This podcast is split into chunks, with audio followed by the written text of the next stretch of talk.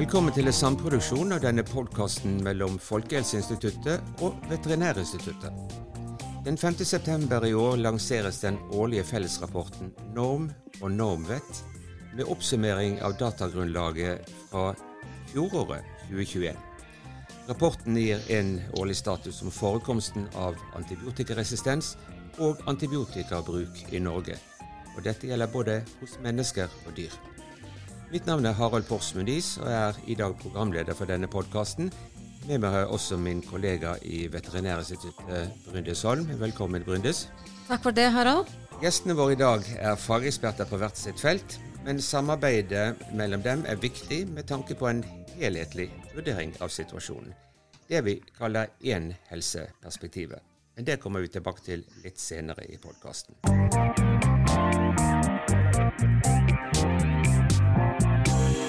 Først ønsker vi velkommen til overlege Gunnar Skov Simonsen, som leder NORM, tilknyttet Universitetssykehuset i Nord-Norge og Folkehelseinstituttet. Velkommen, Gunnar. Takk skal du ha.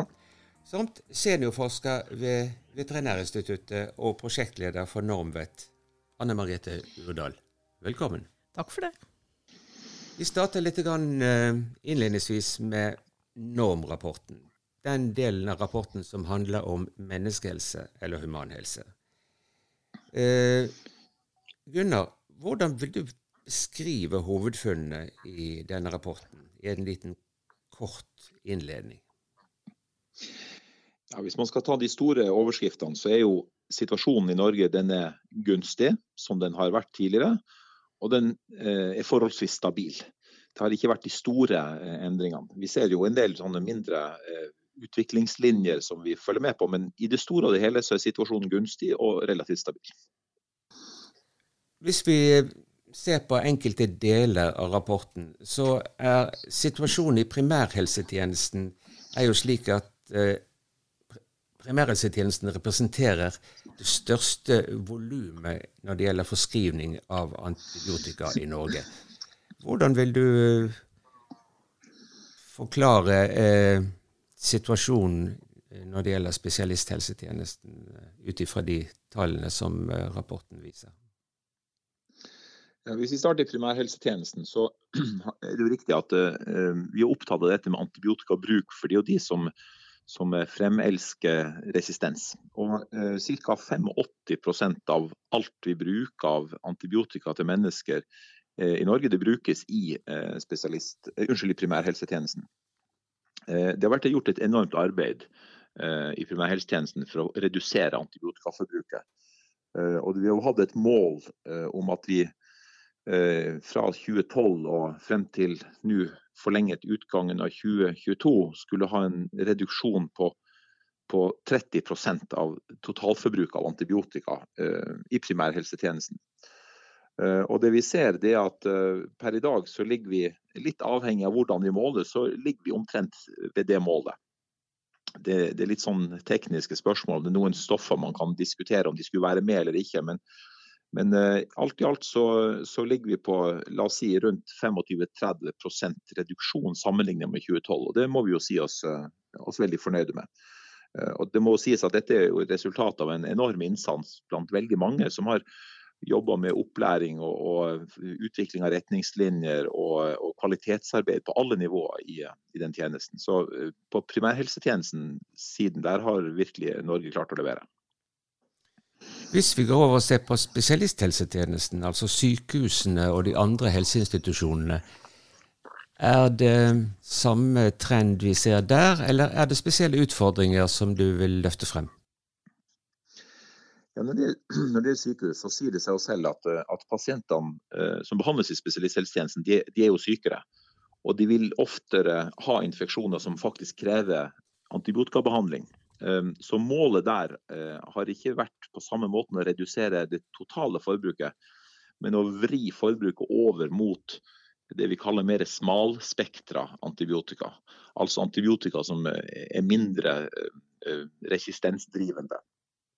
Um, og Der har vi også hatt et mål om at vi ønsker å fra 2012 og frem til nå å få en reduksjon på 30% av disse bredspektrede antibiotika.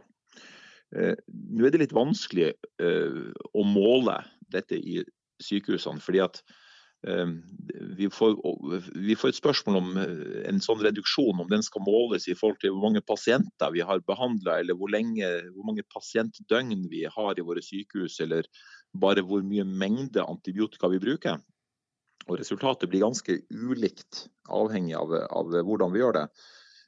Men i sum så kan man si at hvis vi hvis vi ser det i forhold til eh, de som ligger inne i sykehus, så er reduksjonen bare på ca. vel 12 over denne perioden. Men hvis vi ser på den, den totale mengden antibiotika av disse bredspektra, så har vi klart å komme kanskje opp rundt 25% reduksjon. Eh, men det har vært en liten eh, økning nå fra 2021 til 20, unnskyld, fra 2020 til 2021. sånn at vi har nok hatt større utfordringer med å komme i mål Eh, må, eh, på sykehussida enn i forhold til det vi beskrev på primærhelsetjenesten. Og Noe av det tilskrives pandemien, eller? Ja, altså Pandemien har jo hatt veldig store effekter i, i helsetjenesten. Spesielt i 2020 var det store endringer. Um, folk gikk mindre til uh, primærlege. Det var antagelig mye mindre uh, infeksjoner, spesielt luftveisinfeksjoner da i samfunnet. Uh, sånn at behovet for antibiotika var lavere. Ehm, og sykehusene sin virksomhet ble jo veldig påvirka. Det er klart at det er mange ting vi driver med i sykehus som, som også risiko, øker risikoen for infeksjoner. Ehm, alskens kirurgi og ulike behandlinger.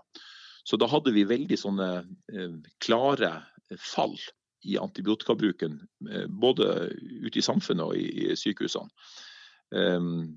I løpet av 2021 ser vi at dette på en måte gradvis begynner å vende tilbake til det mer eh, det nivået vi hadde tidligere. Vi er ikke, vi er ikke tilbake der vi var før, men, men, men, eh, dette voldsomme fallet som vi ser kommer altså rett etter uh, nedstengninga i mars uh, 2020, det, det, er i ferd med å på en måte viskes litt ut. Anne Margrethe, Eh, hvordan vil du oppsummere situasjonen når det gjelder antibiotikaresistens for dyr i Norge, og fortelle oss litt om forskjellen mellom norm og normvett? Eh, for det første så har vi jo litt mer enn én art vi skal dekke opp. Noe som gjør at vi undersøker litt forskjellige dyrearter hvert år. Og for det andre så skal vi overvåke både dyr og mat, med tanke på å si noe om dyr og mat som reservoar for antibiotikaresistens, der vi, der vi da har fokus på resistens som kan ha klinisk betydning hos mennesker. Og mm, vi bruker ofte, eller vi bruker noen bakterier som, som, indikatorbakterier, eller egentlig da testing. Vi tester da helt naturlige bakterier vi finner, eh, for hvor sensitive eller hvor resistente disse bakteriene er overfor en rekke forskjellige da, antibiotika. Og så benytter vi det da som en indikator igjen for forekomsten av antibiotikaresistens. Og i tillegg så benytter vi selektive metoder til å lete spesifikt etter da, spesielle resistensformer som som, eh, som, er av spesiell interesse også på humansiden, da, som f.eks. MRSA. Eh, og så leter vi etter zoonotiske bakterier, altså bakterier som kan, vi vet kan gi sykdom direkte hos uh, mennesket, sånn som campylobacter og salmonella. Og I tillegg så undersøker vi resistente bakterier som forårsaker sykdom hos dyrene. Det er kanskje den delen som kanskje er mest lik da overvåkingen i norm. Men den er da i mye mindre omfang på, på veterinærsiden enn hva den da er på humansiden. Så har vi jo i tillegg da eh, i rapporten et kapittel om forbrukte dyr. Så, så alt i alt så er selve den resistensovervåkingen veldig forskjellig. Um, og sånn, sånn, generelt på overordna nivå så er det jo som på humansiden, eh, også da på dyresiden, et, eh, et veldig god situasjon. Um, men må, se, vi må se liksom resultatene eh, over år for å kunne si noe på den delen. Så hvis man begynner å bryte ned i detaljer, så kan vi si at det er kanskje eh, resistens mot ett antibiotika for en bakterie kanskje gått litt opp, mens en annen har gått ned. Så, men, men, sånn overordna sett så, så, så er situasjonen god også på dyresiden. Vi jo særlig, vi jo særlig altså sånn Majoriteten av de bakteriene vi undersøker, de er uh, fullt følsomme. Og vi har veldig lite multiresistens eh, i de bakteriene. Og det er jo veldig bra. Vi finner også veldig lite av disse, disse bakteriene som vi er spesielt opptatt av, da, sånn som MRSA eller, eller eh, ja, ESBL, altså bakterier som er resistente mot eh, cevulosporiner. Um, Og de, de, finner vi veldig lite av. Og det er jo, er jo veldig, veldig bra.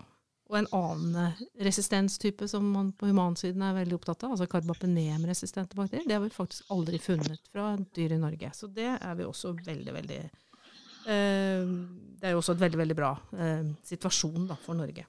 Men eh, hvordan har resistensutviklingen vært på dyresiden i Norge de siste fem-seks åra?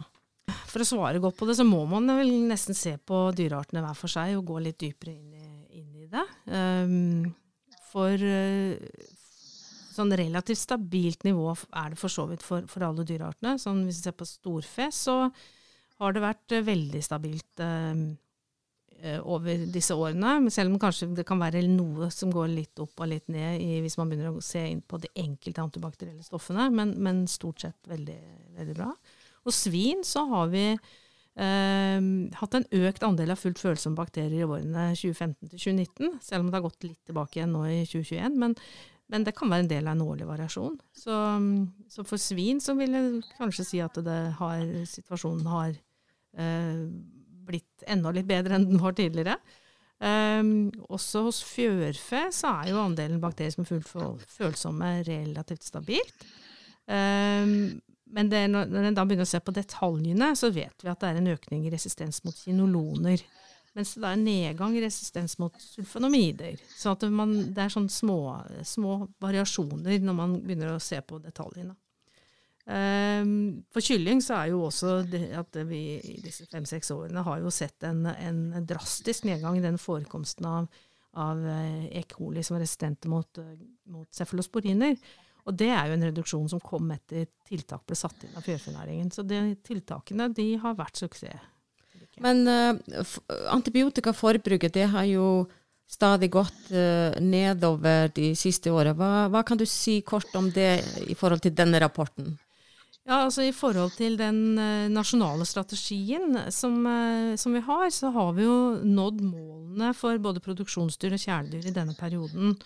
Uh, og vi er også på et veldig lavt nivå for fisk, sånn som vi har vært i, i veldig mange år. Uh, akkurat de to siste årene så har det vært en liten økna, økning i, i, forbruket til kjæledyr. Og det kan jo være, vi vet jo ikke, vi kan ikke liksom vise det, men vi vet at det er uh, veldig mange som har skaffet seg hund i denne perioden som vi har hatt pandemi. Og kan jo være at det kan være kobla til det, men, men igjen, da. Det, vi, kan ikke, vi, kan ikke, vise det. Så dette er jo bare en mulig forklaring. Det kan jo også være andre forklaringer vi ikke, ikke er klar over. Vi skal litt over til superbugs, eller superresistente bakterier. Dette har vi snakket om tidligere. Ser du noen endringer i situasjonen nå ut ifra de tidligere rapportene, eller er det bekymringer som du vil eh, hevde er knyttet til funnene eller status, sånn som det ser ut i dag? Ja, altså Først er det viktig, sånn som Anne Margrethe påpeker, at det finnes jo veldig mange typer bakterier. Og det finnes veldig mange typer resistens. Så det, det er litt vanskelig å, liksom, å si og snakke om, om feltet liksom, under ett.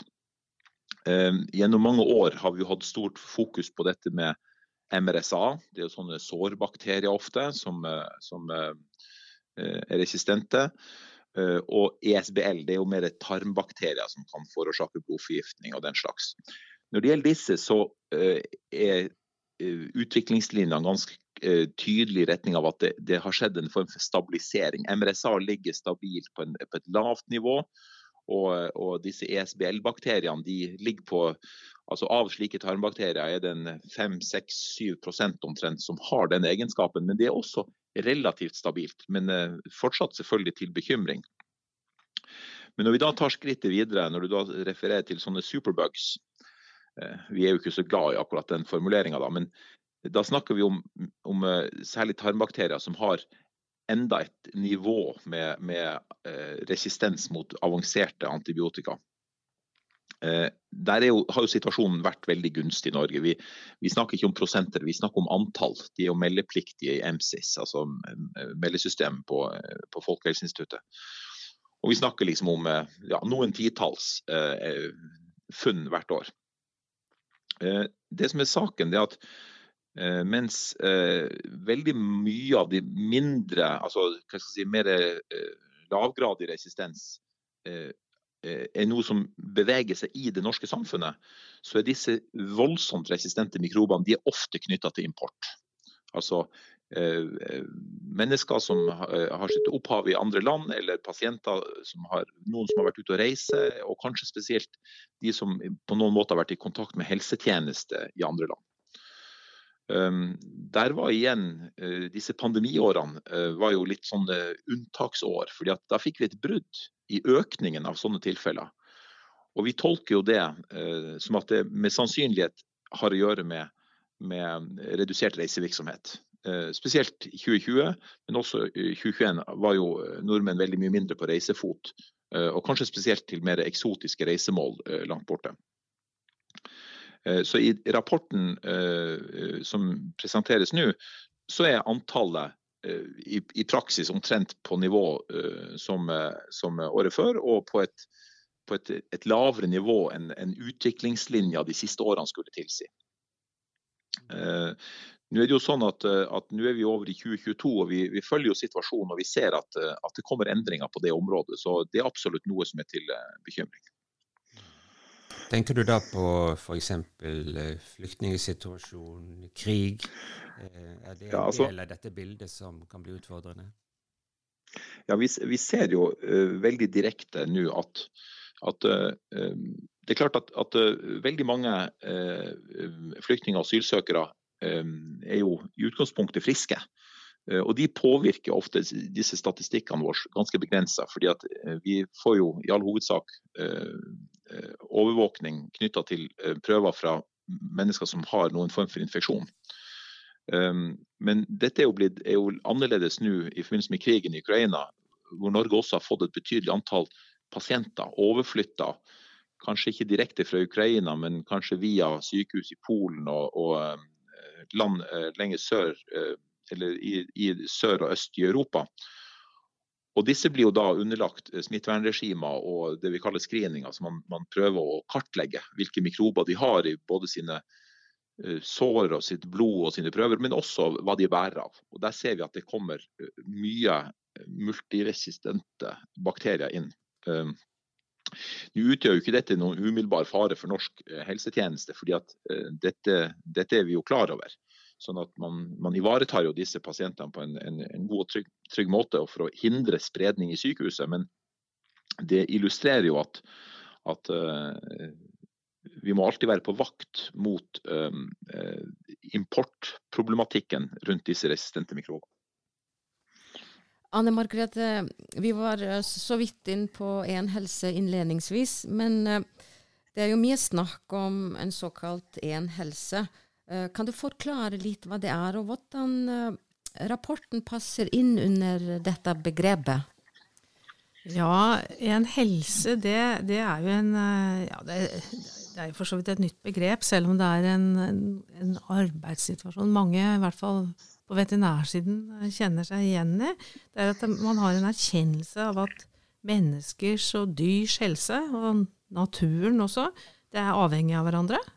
Det er en måte å tilnærme seg for så vidt problemstillinger der, der, der, man, der flere disipliner da samarbeider for å oppnå god helse for mennesker, dyr og natur, miljø.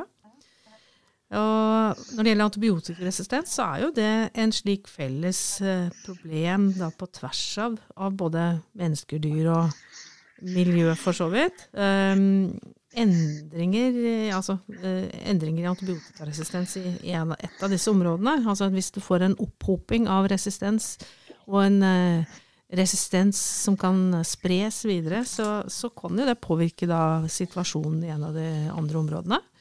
Um, og til, til uh, syvende og sist så kan jo det føre til at antibiotika ikke virker når det er behov for å behandle infeksjoner.